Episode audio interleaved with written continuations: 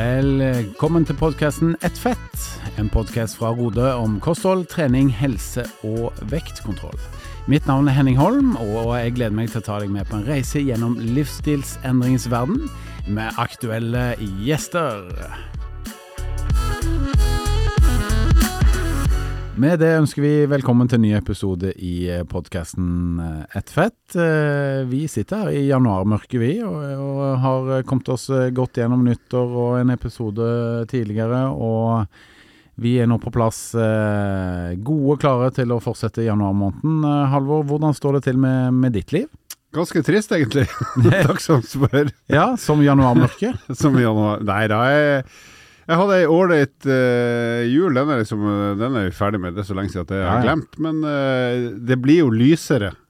Du merker Eh, Og så er det jo ganske varmt i Oslo etter en del uker med mye snømåking. Så jeg, jeg ser faktisk lysere på livet nå enn jeg gjorde eh, 2. januar, og det er jo ikke så verst. Selv om jeg fortsatt er pessimist, selvfølgelig. Mm, veldig bra. Jeg, eh, jeg må jo si at det at snøen smelta litt her en liten stund, det, det gjorde at jeg kunne løpe ute, og det syns jeg har vært eh, fint. Vi registrerte tights både inn og ut fra kontoret. Ja, til noens eh, glede og andres frustrasjon, kan man si det? Ja, eh, jeg vet ikke om noen var glad for å se deg, men eh, vi, det var hyggelig at du var på jobb i hvert fall. Vi eh, har fått med oss eh, Sven Erik igjen i dag. Eh, Doktor Dahl, som du kaller han, Halvor. Ja, og rikskjendis Sven-Erik Dahl. Ikke sant? Du figurerer jo i en svær Dagbladet-artikkel den uken hvor vi spiller inn podkasten. Hvordan er det å være kjendis? Du, det føles egentlig ganske greit. Jeg har ikke merka så veldig mye forskjell ennå. Men det føler liksom at de bretter ut livet mitt og kostholdet mitt eh, til den gemene hop for tida. Men du Ja. gjør det heldigvis frivillig, sant? Jeg gjør det helt frivillig, og med, med klare intensjoner. Mm. Det er jo imponerende at du gjør det, fordi at eh, det med både form, eh, helse og, og, og vekt, da, eh, å gå ned, det er jo en høyst personlig reise, sånn utgangspunktet. Ja, det er jo litt sånn private ting du må måtte avsløre. Både ting du spiser som du egentlig ikke er så veldig stolt over at du gjør. Eh, Men samtidig så handler det litt om ærlighet, da. Det handler om å være ærlig med seg sjøl. Mm. Og det kommer en langt med, tenker jeg. Ikke sant.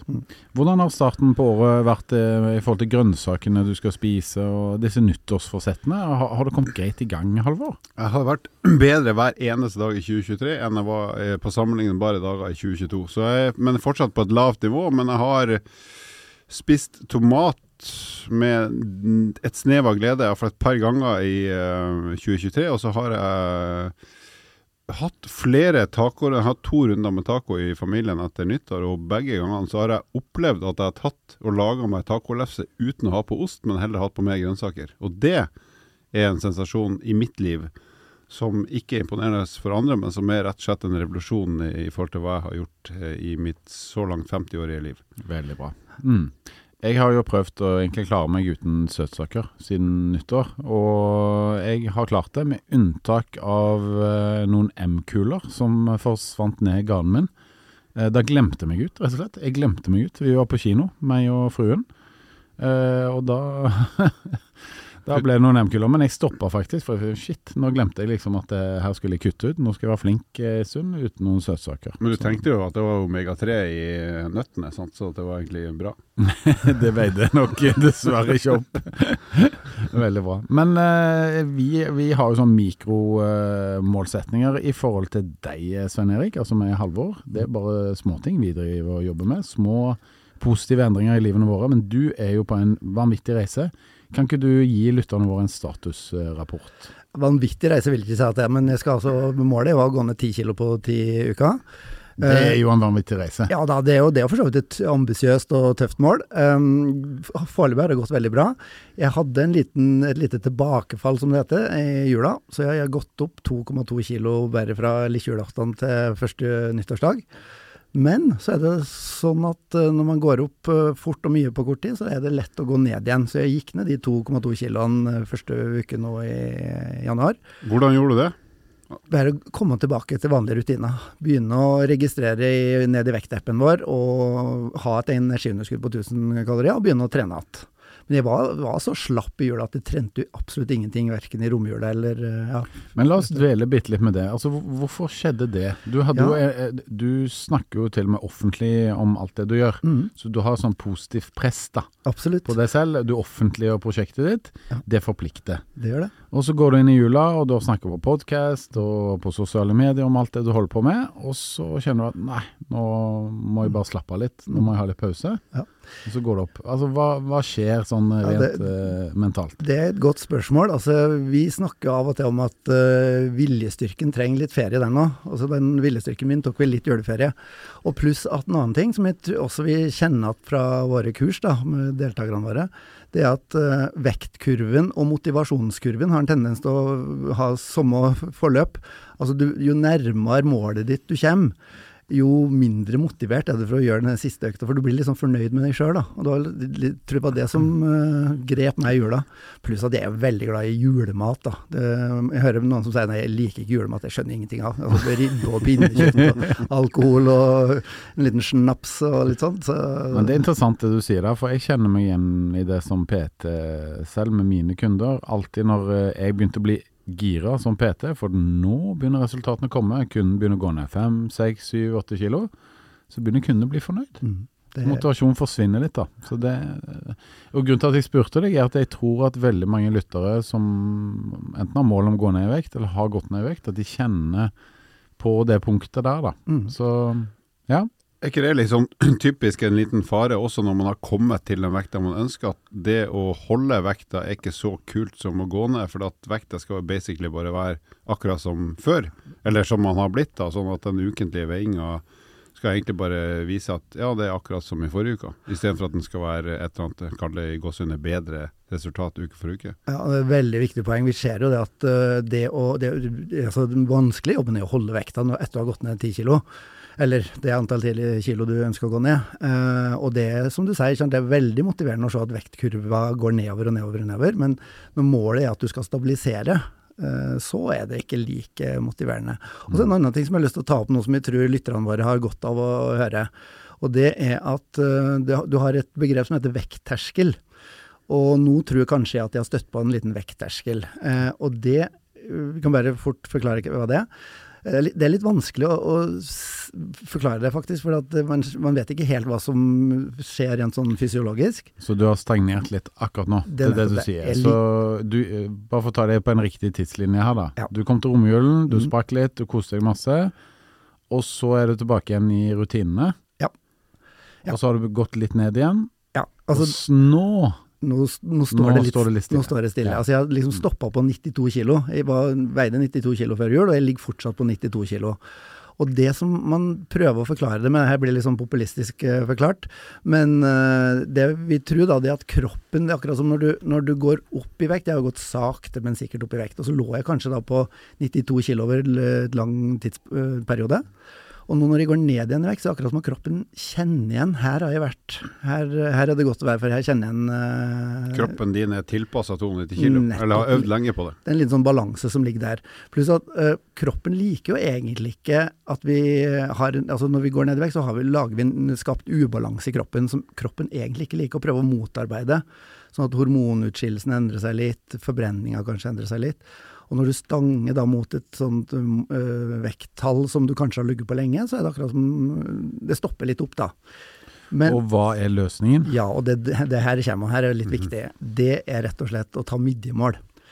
Um, og det her er litt sånn viktig for folk som da ikke har, har prøvd å gå ned i vekt før, for det her er sånn De aller fleste møter en sånn stagnasjon.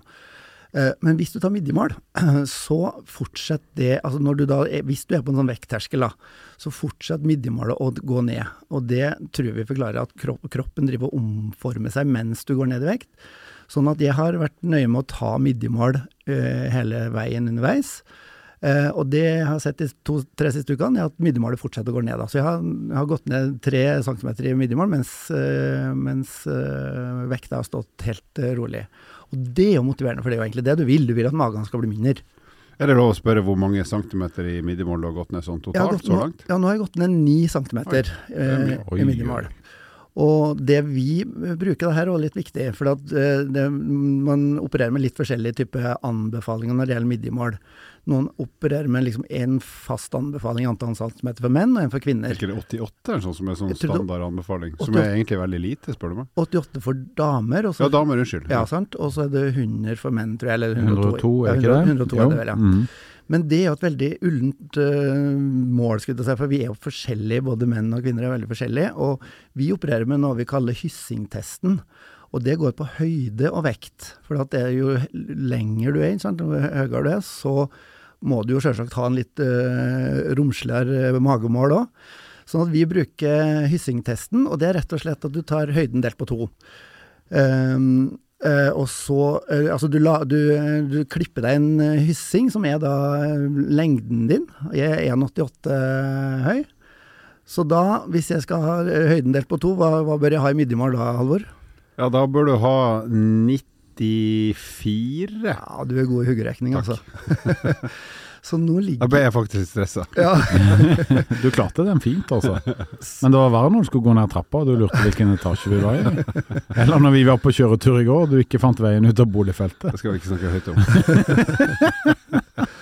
Så nå har jeg faktisk laga meg en sånn hyssing, da, eh, som jeg tar sånn én gang i uka. Den henger inn på badet, og så tar jeg og sjekker da om jeg har det midjemålet som jeg bør ha. Nå er det fortsatt en liten glipe der, så jeg skal ned en sånn 3-4 cm. Men eh, har du begynt å vurdere å endre garderobe pga. at du har gått såpass mye ned i både vekt og midjemål? Altså, har du henta fram klærne fra 70-tallet, eller eh, ikke fra er du på 80-tallet ennå? Jeg er fortsatt litt over der jeg skal være, skulle jeg si. jeg tror ikke jeg har så mye fra 80-tallet hengende i garderoben ennå, for- forhåpentligvis. Men ja, jeg merker på klærne, ja. Det gjør jeg, å merke på beltespennene spesielt. Så nå må jeg kanskje lage et nytt høl i Bukseselet? Ja, kanskje begynne med bukseselet. Du er jo Bør Børsan, han har jo buksesele, tror jeg. Men eh, hvis vi nå skaffer oss et lite overblikk, da. Eh, nå er, hvor mange uker har du holdt på nå? Ja, nå er jeg på i åtte uker, så jeg har to uker igjen. To uker igjen. Ja. Og du skal ned To, kilo til. to kilo til. Men jeg har, Ah, jeg har faktisk tenkt å uppe gamet litt. Har du det? For nå er jeg så godt inne i stimen, så jeg har tenkt faktisk, og her sier jeg for første gang nå, at jeg skal gå ned tolv kilo på tolv uker. Er noe nye målet. Oi. Og, og grunnen til det, det er fordi at hvis jeg da går ned til 88 kilo, så blir jeg definert som normalvektig. Da har jeg en BMI på 25, som er Altså, jeg mener at det er ikke et sånn viktig mål, men det nå når jeg er så nærme allerede, så tenker jeg at da prøver vi på det. Mm. Du endrer litt på disse statistikkene for folkehelsa. Ja. Et lite steg. Et lite steg. Yes. Mindre som er lettere overvektig. Veldig bra. Men tolv uker, altså. Ikke 16 uker. Ikke seks Altså, jeg, jeg må jobbe mye lenger enn eh, 16 uker òg. For nå, Mm. når jeg har gått ned de 12 kiloene, så må jeg virkelig, virkelig begynne å jobbe med å holde vekta. Og det er en prosess i seg sjøl. Så jeg håper jeg blir invitert eh, tilbake hit når jeg har kommet dit. For det, Vi får se på lyttertallene, Svein Erik. Foreløpig så har du gitt oss gode, gode rating og gode lyttertall, så hvis det fortsetter, så skal du få komme tilbake igjen. ja, det er bra. Det er bra. Er det det som avgjør eh, invitasjonslista vår, Halvor? Selvfølgelig. Og det er også derfor vi alltid er til stede, sånn at vi kan ta kred hvis det går bra, og så eh, kan vi skylde på andre hvis det går dårlig. Veldig bra.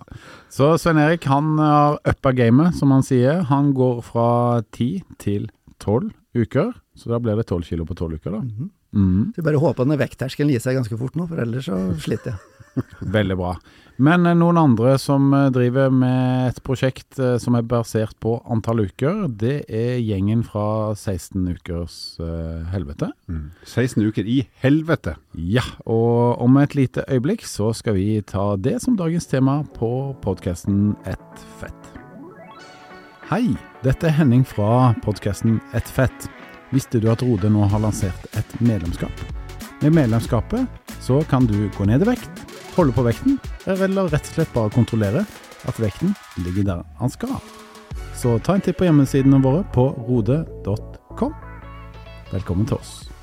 Yes, da er vi eh, klar for å snakke litt om det populære TV-programmet som går i disse dager. Det ruller jo på skjermen, eh, og det kalles jo da 16 uker i helvete. Og det er jo sesong to vi er vitne eh, til for øyeblikket. Og det ble jo ganske sånn omdiskutert i fjor, eh, Halvor. Vi har jobba i treningsbransjen i ja, omtrent snart 50 år til sammen.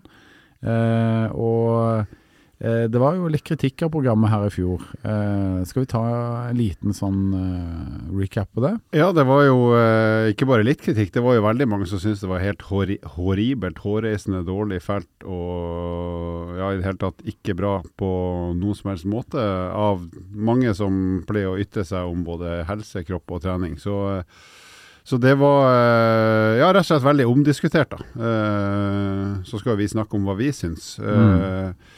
Men, men det, konseptet er jo for de som ikke har sett det, da, så er det jo rett og slett at de, man har en del kjendiser. I år er det vel med seks stykk. Som får hjelp av Martin Johnsen Sundby og også hun Anette Ramm, som er næringsfysiolog, som da skal hjelpe dem med henholdsvis kosthold og trening for å rett og slett gå ned hva skal vi si, enkelt, enkelt sagt gå ned mest mulig kilo på 16 uker. Det er jo det som er konseptet i, i korte trekk. Og i, i, fjor så var det som sagt veldig mye kritikk eh, av måten det ble gjort på, og hvordan det ble presentert osv. Og, så og så skal vi jo snakke litt om hva vi syns om årets sesong. Men det er jo, merk dere lyttere at vi har jo bare sett to episoder.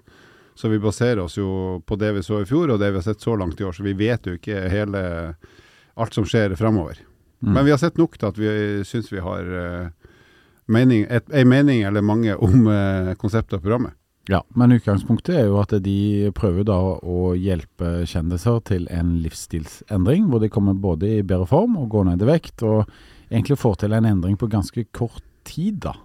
Eh, 16 uker er jo relativt eh, kort. De kaller det for en skikkelig sånn kickstart, eh, som er et begrep som vi har brukt i Rode. og eh, det er jo, For oss som har jobba med dette omtrent hele livet, så er det jo spennende å se hvordan de velger da sine ja, metoder da, for å hjelpe deltakerne, og hvordan de coacher de underveis. Jeg må jo si, sånn, Først og fremst og prinsipielt, jeg syns det er kjempeartig å se på. Altså, Jeg digger å se sånne typer program, om det er på norsk eller engelsk, spiller ingen rolle. Men det å se ulike strategier for å komme i bedre form eller gå ned i vekt, det syns jeg er superspennende. Altså, så syns jeg jo det er ekstra artig med et program på norsk, og med norske kjendiser. Så jeg, altså De som er med i år, da, for å ta det, det er jo Jenny Jensen, nordnorsk sangerinne. Og så er det han Steffen Iversen, som har vært en ufattelig god fotballspiller. Og så er det Alex Rosén, som jo er en uh, humorist uh, og høyt og lavt. Trine Haltvik, som er håndballspiller. Hun spilte vel i toppserien til hun var gud bedre meg, i hvert fall 46, tror jeg.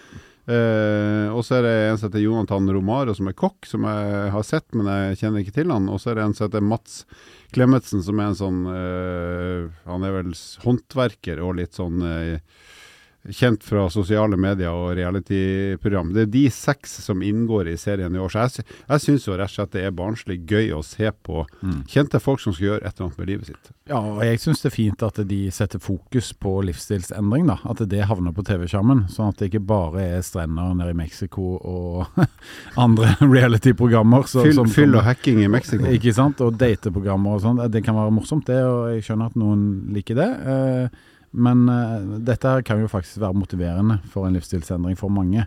Så uh, er det nok ikke tilfeldig at de legger det til denne sendingen til januar-februar. eh, mars frem til påske, fordi det er jo høysesong når det kommer til livsstilsendring og, og trening spesielt. da.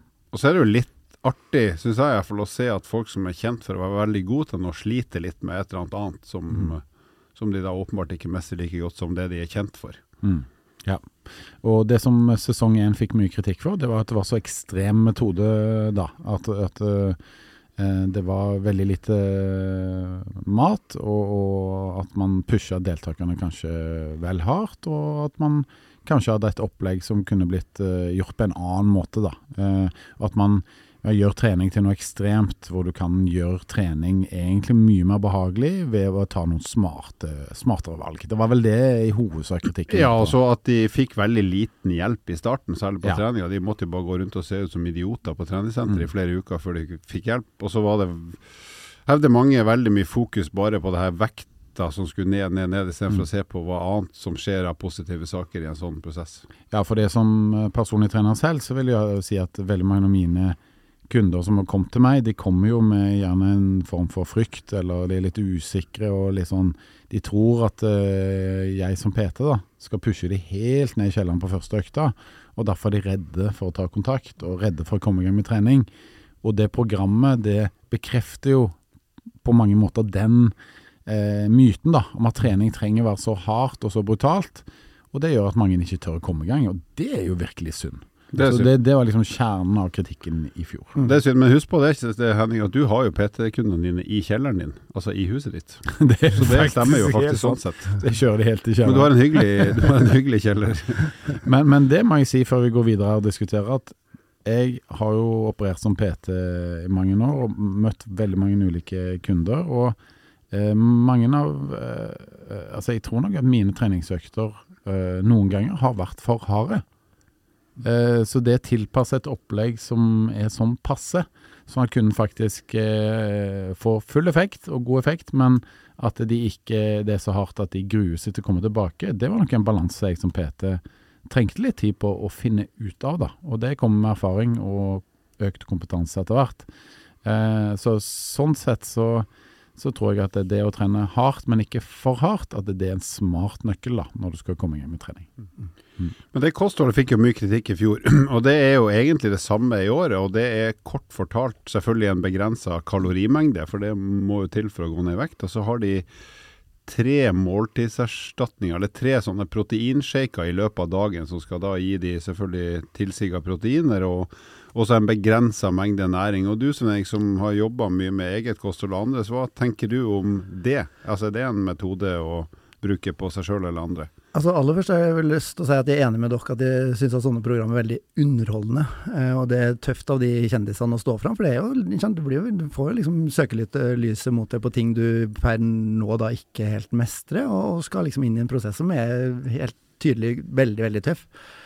Eh, men konkret når det gjelder kostholdet, så er jeg enig med deg også, Halvor, at det er jeg blir overraska over at det er så mye måltidserstattere, da, som vi kaller det. Vi i Rode er mer eh, tilhenger av at du skal ete vanlig mat, også når det er snakk om mellommåltid. Dette er jo mellommåltidene til, til de deltakerne som er proteinshaker.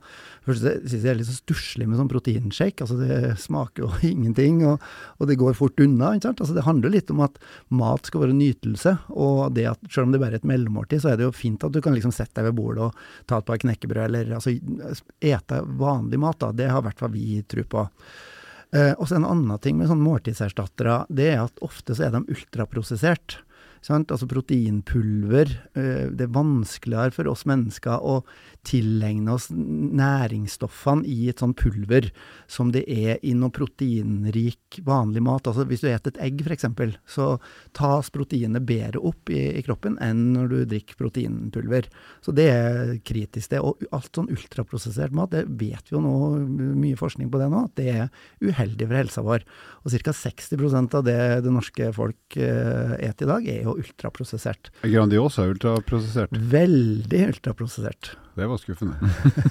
Så den bør du slutte med. Men den skinkebiten på toppen, den er vel ikke prosessert? Den var kutta opp. Nei, men, men det her er ganske viktig, altså, fordi at eh, næringsinnholdet i de Selv om du, du har et produkt som i utgangspunktet har mye næring, ta f.eks. havre. Nå eh, snakker vi også litt bort fra 16 ukers helvete, men ta f.eks. havre. ikke sant? Det er jo et næringsrikt og fint eh, produkt. Men en havrekjeks Ja, det er fortsatt havre, men næringa i havren er bytta bort med usunn fett og sukker, liksom. Men hva kunne alternativet vært da, hvis du skulle ha gitt de samme energimengde, men ikke brukt proteinshake? Hva kunne du sagt til Hvis det hadde vært dine deltakere, hva hadde du sagt at de kunne spist istedenfor, både for å sikre seg det proteinet de trenger, og likevel begrensa kaloriinntaket? Altså Det er veldig bra at man bruker proteinshake, det, ja, fordi at proteiner gir en mer, bedre metthetsfølelse enn karbohydrater nødvendigvis. Uh, sånn at f.eks. et knekkebrød med egg tenker jeg vil omtrent ha samme kalorimengde, som jeg mener er vel så godt og, og mye bedre proteinkilde. da. Eller, eller en salat med noe tunfisk eller kylling, eller, eller folk er jo Veldig mange jo- vil jo helst ikke spise så mye kjøtt heller. altså F.eks. noe bønn, altså en bønnesalat, for eksempel, eller noe sånt. Kan også være bra. Men jeg har jo sittet på samme kontor som deg eh, en stund, Svein Erik, og når klokka slår 09.00 00 Da kommer det noe på pulten din. Ja, Og det er på tusendeler. Ja, ja. Og, det, og jeg bruker det til og med vekt. ikke sant? Du jeg har sett at jeg veier til og med, selv om jeg vet hva jeg skal ha. Ja, Det er da litt eh, havregryn, og så er det noen hasselnøtter, og så er det 150 gram eh, kirsebæryoghurt, og så er det noe blåbær, og så er det litt cottage cheese på toppen. Og da er det cottage cheese med proteininnholdet der, da. Ville du erstatta det med en proteinshake? Over, aldri i verden. Ikke sant. Så det, det dokumenterer jo litt av poenget her. Altså, hadde det ikke vært bedre å skaffe seg noen gode måltidsvalg istedenfor shake, da? Mm. Eh, fordi da, eh, da lærer du deg selv til en uh, ny hverdag, da. Så Mm. når du er ferdig med opplegget, når 16 uker er ferdig, så har du faktisk eh, tilegnet deg noen rutiner som kanskje da varer. Mm. Eh, så kan du si at det kan du gjøre med en shake òg, men mm, det er kanskje ikke like ma mye matglede. Eh, det metter ikke like mye osv. Så, videre, så mm, det er noe å tenke på, da. Absolutt, og det jeg kanskje reagerer aller mest på, det er liksom Jeg skjønner at det her skal være underholdning, og det skal være litt sånn Men, men hver gang de åpner en, en boks med noe salat, så eh, deltakerne liksom griner på hodet og Nei, uff, det her var kaninfôr og alt det De har samme forhold til det her som meg. Og jeg mener at det skaper sånn unødvendig hold... Hvis vi skal, hvis, her er underholdning, som sagt, men hadde, skulle det vært mer folkeopplysning, så skulle jeg ønske at det hadde vært mer sånn at ja, men sunn mat er godt. Mm. Jeg hadde en ung kar som gikk på kurs hos meg for lenge siden, og han han gikk jo ned 40 kilo, og det han var mest overraska over, det var at ja, men sunn mat er jo faktisk godt. Han begynte å spise fisk, og, og hadde bare spist Grandiosa som deg, Halvor, så, og drukket cola. sånn at det, Drømmeliv. ja, men jeg, jeg mener at vi Ja. har en, en oppgave med å fortelle at sunn mat, sunn, god norsk mat er godt. Men der må vi si at han, eh, han som er kokk, han eh, Jonathan, han eh, driver og eksperimenterte litt, eh, så jeg i den ene episoden. Han putta på noen saker og liksom Å, det var faktisk ganske godt. Mm. Eh, men, men det så ut som han eksperimenterte litt på egen hånd, da. Ja, og han har jo ganske god peiling på å lage mat, så det skulle egentlig bare mangle. Men jeg er litt enig, det er litt sånn som du sa òg, Henning, med det her med i det forrige eh, programmet, altså forrige sesong, det med at du liksom bare bekrefter den stereotype oppfatninga av at trening er hardt og brutalt og fælt og kjipt. Mm. Det er litt samme feelingen jeg får her med kosthold, at skal du gå ned i vekt, så er kostholdet dritkjedelig, smaker ikke noe godt, det er liksom fargeløst og trist. Mm. Og det er jo ikke nødvendigvis sånn, som du har sagt, Svein Erik. Det kan gjøres mye hyggeligere enn det der. Men jeg har jo skjønt at det her, serien her er vel en amerikansk uh, rip-off av noe som heter 16, Weeks of Hell. Ja, så så eh, vi må jo forutsette at konseptet det er amerikansk, og at de Mm. nok har fått ganske strenge føringer på hva de eh, får lov å gjøre for å kalle det det samme som det amerikanske konseptet. Så de har nok De får nok ikke lov å gjøre veldig store tilpasninger, vil jeg anta. Og hvis vi skal pense bitte litt inn på treningen, altså jeg er veldig enig med det dere sier, at det, det er altså når vi gikk opp ned Vyllerløypa, ikke og Jenny Jensen bare så vidt klarte å komme opp, det er jo god TV, men jeg mener at det er ikke så veldig smart uh, veiledning for en som da skal gå ned i vekt og bli, bli mer eh, trent, da. For det du gjorde med meg, Halvor, det var at eh, når jeg skulle da begynne med mine intervalløkter, det, jeg var vant til fire-fire-intervall, ikke sant. Og du grua deg før dette. Jeg, jeg var ikke Ja. noe særlig happy for at vi skulle Ja, du gjennom- regna jo med at jeg skulle bekrefte at var, intervalltrening var dritt. Nettopp. Mm. Og det første du sa til meg, det er at eh, nå skal du heller kjøre åtte ganger, altså tominuttsintervall, minutts intervall. For du trenger ikke å, å, å slite deg ut med fire, for det, det, blir, det blir for kjipt for deg. Og det har i hvert fall vært en veldig viktig motivasjonsfaktor for meg. Nå, nå syns jeg at jeg gleder meg nesten til hver intervalløkt, selv om det er, det er selvsagt tøft de to minuttene øh, gang åtte når det står på. Men det klarer jeg å gjennomføre. Og jeg tenker hvis Jenny Jensen kunne ha fått gått øh, en litt annen løype, eller gjort det på en litt annen måte, så har det kanskje opplevd det som litt mer øh, hyggelig for henne, da. Ja, Hvis vi skal ta litt tak i treninga, for det er jo der jeg og du Henning i hvert fall syns vi har litt peiling, eh, så syns jo jeg Nummer én, jeg synes det at de trener syns jeg er jo helt glimrende. Det, det er jo et godt valg uansett, eh, hvis du skal komme i bedre form, gå ned i vekt. Eh, og så syns jeg det er lurt at de skal gå hver dag, altså vi kaller det hverdagsaktivitet. Og så vil jeg tro at én time powerwalk hver dag, hver morgen, nok ikke er lett å få til hele livet, men, men, eh, men det å i hvert fall liksom integrere at du skal være i aktivitet hver eneste dag, det tror jeg er smart. Så det støtter jeg 100 Det jeg syns er litt rart, da, det er jo at det er i praksis ikke noe tilpassa kondisjonstrening som gjør at de kommer i bedre form. Ja, de går en powerwalk, men det å gå en time etter hvert fører ikke til noe bedre form, fordi at det er, blir for lav intensitet. Eh, så jeg syns jo det er litt sånn rart og egentlig litt teit at ikke de legger inn noen spesifikke kondisøkter som er tilpassa hver enkelt, litt sånn som du sa med Jenny Jensen, som gjør at hjertepumpa deres blir større og sterkere, og at kondisen blir bedre. For det hadde de jo da hadde de jo ikke trengt 16 uker på å se framgang. Da hadde de jo kunnet oppdage at de flyr på etter fire, fem, seks uker. Mm. Uh, nå er vi litt inn på det med tester òg, da. Ikke sant? For at det, det å, å, teste med å gå eh, Vi snakket jo litt her i forkant av episoden, men du påpekte jo noe, noe som er, er, litt sånn viktig der, da. For det å gå, eh, som de gjør i første, første episode, skal de gå vel en times tid. Ja, de går rundt Sognsvann ja. en time, eller si så, mange, så langt som mulig. Det blir vel et par runder rundt Sognsvann, for den runden er drøyt tre kilometer. Ja. Og også når det kommer til retester på uke 16, altså hvor mye raskere kan du gå, sa vel du her eh, før episoden? Ja, det er litt teit å tvinge mm. deltakerne til å gå på første test hvis de kunne ha jogga, for da kommer de jo saktere enn de kunne ha kommet. Eh, og så antar jeg da at de må gå også på siste test, siden de ble tvunget til det på første test, og hvis du skal gå første gang og siste gang, så mm. er det jo begrensa hvor mye lengre du kommer på en time. Ikke sant. Og hvis vi da skulle fått lov til å påvirke opplegget, og man skulle gått For det, det, å gå er jo egentlig veldig smart, det er jo noe alle kan gjøre. Eh, men hadde vi ikke da heller, Halvor, valgt oss en lang motbakke, og sett f.eks. hvor høyt klarer du å komme nå? Og så setter du deg kryss i bakken med kritt, og så sier du her kommer jeg på uke 1 og så gjør du det samme igjen på uke 16. For da kunne jo det å gå vært en, et, en bra metode da, for å måle eh, fremgang. Absolutt, og så hadde vi ikke sagt at du skal gå motbakke i en time. Vi hadde kanskje sagt at vi, vi ser hvor langt du kommer på et kvarter. Mm. Eller ja. for den saks skyld, hvis det er Sognsvann som er altså rundt det vannet, så kunne vi sagt ok, du skal, du skal tilbakelegge du skal, gå, du skal komme deg rundt vannet så fort du kan. Mm. Uh, om du går eller jogger, det er ut fra din egen form. Men da vil du jo kunne sett enorm forskjell på uh, formen. Enten du går sakte i første uka og går kjempefort i siste uke, eller at du faktisk kanskje til og med kan jogge eller løpe i siste uka. Da får du jo enorm forbedring. Ikke sant. Og da er vi inne på dette med å gå som trening. For, det, for meg, det er ikke sikkert det stemmer, men for meg ser det ut som de bare får en oppgave. Ok, prøv å gå så relativt raskt tempo og gå en time. Eh, og det skal de gjøre hele tiden.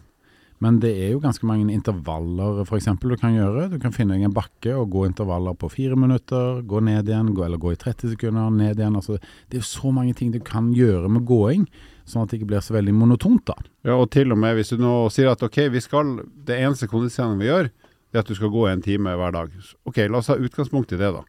Da kunne vi jo sagt, sånn som du egentlig indikerer, at hver gang du treffer en motbakke på den timen, så skal du gå så fort du kan. Så kan du gå litt roligere i nedoverbakken. Men da hadde du fått laga en slags intervall der du i løpet av en time, helt sikkert hvis ikke du bor i Danmark i hvert fall, hadde møtt en del motbakker, så da hadde du sikkert fått samla en 8-10-12-15 minutter med ganske hard, god jobbing, selv om du i gåsehudet bare går, for du hadde tatt de skikkelig i motbakken. Mm. Og da hadde du fått mye mer ut av det enn å gått og subba rundt i, jevn slakkefart i en time. Ikke sant. For det å gå en time, det er flott det, for det påvirker jo kaloriregnestykket fra dag til dag. Så i utgangspunktet så er det smart, men når det kommer til å, ja, å få en formmessig fremgang, så hadde du nok fått mer utbytte av det vi foreslår her nå. Men kan jeg bare få spørre om en liten ting når det er to eksperter i studio her? Uh, jeg har jo hørt Hvem er den andre? ja, vi, vi, sier på våre kurs uh, at uh, du får relativt sett mer fettforbrenning på lav intensitet. Men at når du kjører intervall, eller høyintensitet, så forbrenner du mer totalt sett over samme tidsenhet.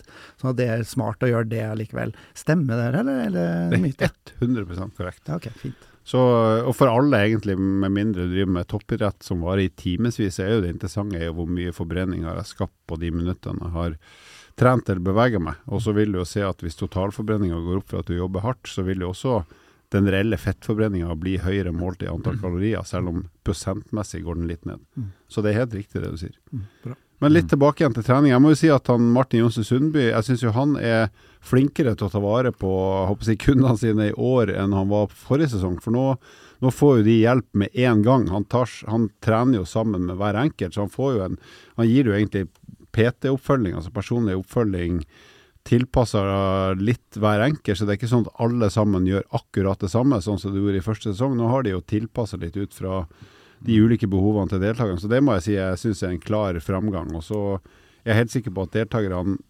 lettere og bedre kommer i gang med styrketreninga i år enn de gjorde i fjor, fordi at de faktisk får hjelp med en gang, i stedet for at de skal stå med et program i hånda og ikke ane hvordan øvelser gjennomføres før etter mange uker. Så Det syns jeg er jo mye bedre i år enn i fjor. Ja, og programmet viser jo virkelig at det å få oppfølging, eh, det er noe som forplikter, og det gjør at eh, deltakerne føler mestring, og når du føler mestring, så har du lyst til å gjøre mer, og så er du inne i en positivt eh, ja, positiv lada sirkel, da, eh, hvor du vil, vil trene og ønsker å trene, og, og syns at det er kjekkere enn det du trodde.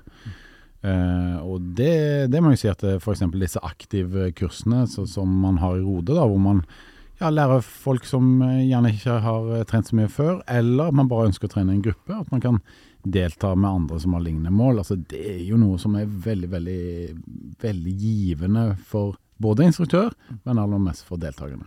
Ja, jeg tror i hvert fall, har veldig tro på det kombinasjonen som det ser, ser ut som de legger opp til nå. Da, at ja, du skal ha individuell eh, veiledning på, på styrkeøkta og sånne ting, men de kjører også litt sånn gruppe, gruppeøkta, som når de skal opp den Villeløypa, blant annet.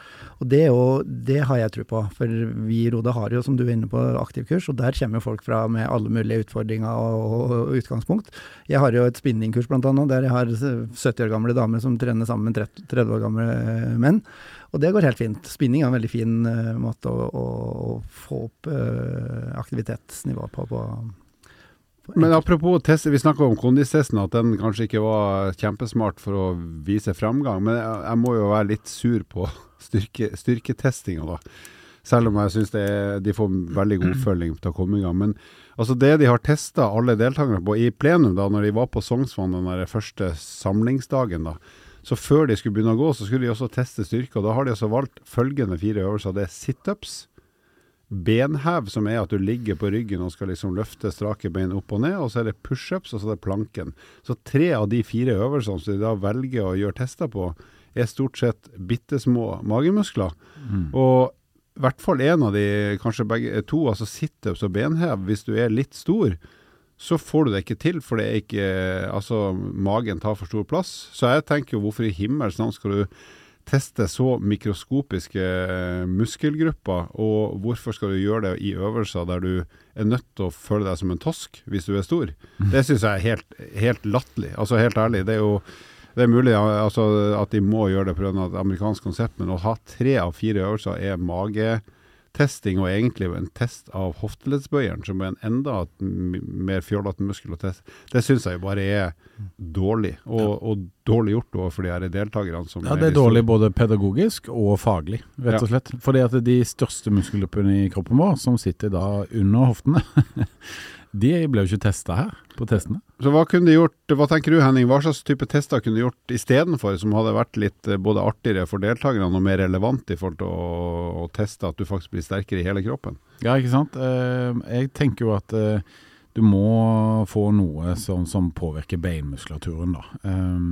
Og en måte å gjøre det på, det er jo liksom å se på en knebøy. Klarer man å gå ned til 90 graders vinkel i kneet og opp igjen?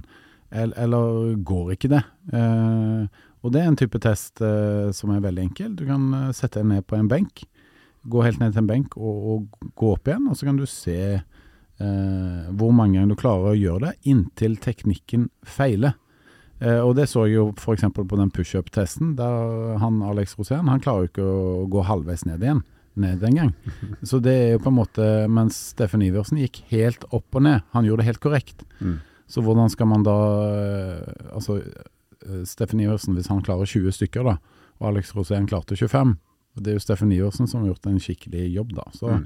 først og fremst vil jeg teste én og én, og ikke alle i plenum, for da kan du ikke stoppe de og påpeke feil. Så i testmetodikk så må du gjøre det 100% korrekt, eller tilnærmet korrekt, da. For det er jo sånn det blir målbart neste gang. Så du kunne gjort en type knebøy, men du kunne òg Um, du kunne jo tatt de med inn på treningssenter, da. Så kunne du testa med litt vekter på, og sett hvor mange de klarte, f.eks. Uh, eh, på gitt antall. Ja, for det som mm. er gøy med å trene folk som er i dårlig form, det er at du får så hinsides mye fremgang på stort sett alle parametere. Men her tar du bort muligheten til å vise fremgang. Du, du, du, mister mulighet til å se fremgang i, i setemuskulatur og lårmuskulatur for at du har ikke testa det. Og tenk deg hvor mange kilo forbedring de her eh, kommer til å få, hvis de hadde bare fått lov å vise det. Så det, jeg ville egentlig tatt dem inn på treningssenteret, og så ville jeg kjørt en benpress, en brystpress og en nedtrekk. Mm. For da jobber jeg i helt forskjellige retninger med helt forskjellige muskelgrupper og store muskelgrupper. Og så ville jeg gjerne gjort én mageøvelse eller en kjerneøvelse i tillegg.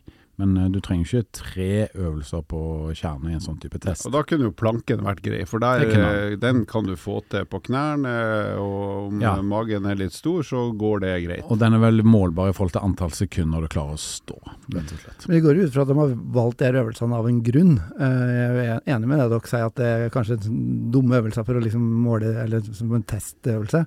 Men jeg vil tippe at kanskje de har valgt de øvelsene fordi at det er liksom noe alle kjenner, og kjenner igjen, på en måte, eller? Jeg vet ikke, altså situps, alle vet det, og pushups vet alle, og planken, ja, beinhev tror jeg vel svært få mm. driver med eller har sett. Så jeg tror at eh, de har valgt det for en grunn, og en grunn som er tåpelig, nemlig at de skal dumme ut deltakerne. At det skal se teit ut på TV. Som jo er for så vidt underholdende eh, for noen. Akkurat det syns jeg er så kult å se på, at folk som ikke liker trening, har det dritt i treningsøkta. Eh, Men jeg tror det er så banalt som det at du skal rett og slett fysisk eh, formidle til store deltakere at du er i skikkelig ræva form. Du klarer ikke engang å gjennomføre en situps. Og det klarer du jo ikke hvis du, har, hvis du er stor i overkroppen. Men sånn generelt som PT, så mener i hvert fall jeg at eh, det å, å gjøre tester med egen kroppsvekt på folk som er i veldig dårlig form eller overvektige, er ofte mm, kanskje ikke helt optimalt. Da Da vil jeg heller bruke apparater inn på treningssenteret, fordi at du føler deg trygg der med kyndig veiledning, og så kan du ta ned nivået. Hvis du tar 20 kilo i brystpress, så tar du det. Men du ser jo helt lik ut på den brystpressen som en eller annen person eh, som tar 100 kilo. Det er vel kanskje grimasene som er litt annerledes, eller ikke det engang. Nei, sannsynligvis ikke. Nei, men jeg er helt enig. Altså, Mm. det, det, det er ikke noe vits å trene folk for at de skal dumme seg ut. Altså, Men hvis du tar en veltrent person som tar en pushup, kontra en som aldri har tatt det, eller ikke tatt det på 20 år, da ser du forskjell. Så Og igjen tror jeg liksom, eh, hvis, hvis det da, eh, av underholdningsverdien at, eh, at kjendisene skal dumme seg litt ut, så igjen så tenker jeg tilbake til det med folkeopplysning. altså det, det er jo negativt, for veldig mange har et litt sånn anstrengt forhold til trening generelt. Og hvis man da, hvis utrente folk ser på det her som underholdning, eh, eller folkeopplysning, så er jo litt kjedelig da, at igjen så blir det sånn, ja det er så tøft og vondt og vanskelig å, å trene liksom. Det, det er jo veldig uheldig, tenker jeg da. Mm. Men jeg, jeg tror at eh, det at det er tøft litt etter hvert, det er noe helt annet, da. Mm. Ikke sant? For da, da vil eh, deltakerne antageligvis oppleve mestring, og de vil være utrolig stolte Mm. over det. Så det å legge lista høyt etter hvert, det, det tror jeg vil være en fordel. Ikke sant? Så, men, men dette er jo sånn vurderinger som man må gjøre da, som trener eller kursleder eller veileder, eller Mm. hvilken rolle man nå, nå enn har. Men vi nærmer oss jo eh, eh, de siste minuttene av denne podkasten. hva tenker dere om lengde? 16 uker, Halvor. Du har jo skrevet mange bøker om vektreduksjon og hjulpet veldig mange mennesker. 16 uker, er det et godt uh, Nei, jeg ville sagt det et par timer, så er vi der. Nei, jeg, eh, igjen da, det her er et konsept som heter 16 uker i helvete, så det er en eller annen løk i USA som har funnet på det her. Så jeg, jeg jo, jeg vet jo, vi vet jo, alle som har drevet med trening på et snev av nivå, vet at du trenger jo ikke å bruke 16 uker på å komme i utrolig mye bedre form, og ikke minst få et betydelig vekttap. Så eh, både for å ha vært mer motiverende og samtidig vist hvor fort du kan forandre egen helse, form, kropp, så ville jeg tenkt at åtte uker hadde vært mer enn nok. Og mye smartere, fordi at eh, 16 uker i seg sjøl er ganske dumt, iallfall i Norge. For da vet du at du treffer på minst én lengre ferieperiode. Du har jul, og så har du vinterferie, påske, som er eh, innafor Altså før det har gått 16 uker. Altså mellom påske og sommerferie er det ikke 16 uker. Og etter sommerferie og høst så er det sannsynligvis ikke 16 uker for de fleste før de skal av gårde igjen. Så 16 uker er for lenge til at du klarer å få det til å passe inn mellom to typiske kalde friperioder, da, der man ofte gjør andre ting. Så kan man si at eh, de, de tingene her kan du selvfølgelig også gjøre når du har ferie og fri, men jeg ville jo tenkt, skulle du virkelig hatt en konsentrert periode der du virkelig tar deg sammen da, eller gjør store endringer, så, men vet at jeg skal ikke ta vare på alle endringer, men jeg tar med meg de viktigste, så ville jeg tenkt åtte uker både for at det er mer enn nok tid til å få veldig gode resultat, og så passer det inn mellom eh, ferie-friperioder, uansett hva slags liv du har i Norge i hvert fall. Mm. Ja, jeg er veldig enig. Men en annen ting som jeg tenker Jeg, i hvert fall, jeg så den første sesongen, og den synes jeg, var, jeg synes jo for så vidt den var bra. Uh, men det jeg skulle ønska meg, det er å, å, høre hvordan det har gått med dem etter et år, f.eks. Altså, Mm. denne serien her burde ha starta med for å høre hvordan de forrige, den forrige gjengen har klart seg. Jeg er ganske sikker på at han Jørn Hoel ikke er i kanonform i år. Men, men det skal sies, altså jeg følger hun Agne Tesh og Agnete hva heter Mm. Sol, Huseby. Um, hun, er, hun er en kul dame, syns jeg. Mm. Uh, og hun virka på den, den forrige sesongen, var hun som liksom tok hadde mest framgang, og, og ble inspirert til å, å legge om livsstilen sin. Så nå, og det kanskje høres litt uh, rart ut, men jeg er en homofil eh, 65 år gammel, eh, nei 56 år gammel mann. Eh, følger ei ungjente på, på Instagram, men hun syns jeg er et godt forbilde, da. Eh, Særlig for den målgruppa, vil jeg tro. For hun har et veldig sånn sunt forhold til egen vekt, tenker jeg. Og så har hun Hun trener på samme treningssenter som oss, sterk rett over gata her. Eh, og hun har dratt med seg mor si og dratt med seg venninnene sine, og fått dem også inn på samme livsstilen som hun forfekter. da. Så det, det syns jeg er veldig positivt. Ja, og hun, hun lærte Hun fikk jo til trening etter hvert, Yes. etter hvert med litt hjelp òg, men først og fremst av seg sjøl. Og det er jo kult å se at det er nå en integrert del av hennes liv. Så det er jo en superstory, uavhengig om hun er kjent eller ikke. Men jeg er helt enig. i Hun, det å se hvor gøy hun syns det var å trene etter hvert, fra å være helt uh, nybegynner, det, det var eh, ordentlig artig i fjor. Mm. Men for å oppsummere her litt, da, så, så vil jeg jo si at uansett om du er med på et TV-konsept, eh, eller om du går på et rodekurs, eller om du har PT, eller hva du nå enn gjør, det å være en del av et opplegg, hvis du har et mål som betyr noe for deg, det er virkelig en suksessdriver, altså. Det, det er noe som, som gjør at flere lykkes enn de som ikke velger et sånt type opplegg og surrer rundt på egen hånd. Helt enig. Helt enig. Da skal vi gå videre til dagens eh, fun fact. Vi er mye omtalt av de av lyttere hos oss. Og hva har du å komme med i dag, unge Hva har du i veska di, Ruth? Nei, vet du, jeg har jo eh, Det er vel ikke alle lytterne som vet det, men min hårmanke er ganske begrensa. Den er enda tynnere enn Svein Erik sin. Eh, så jeg har egentlig bare litt sånn sidehår, og så har jeg litt skjegg for at jeg har eh, ikke barbert meg på fire dager.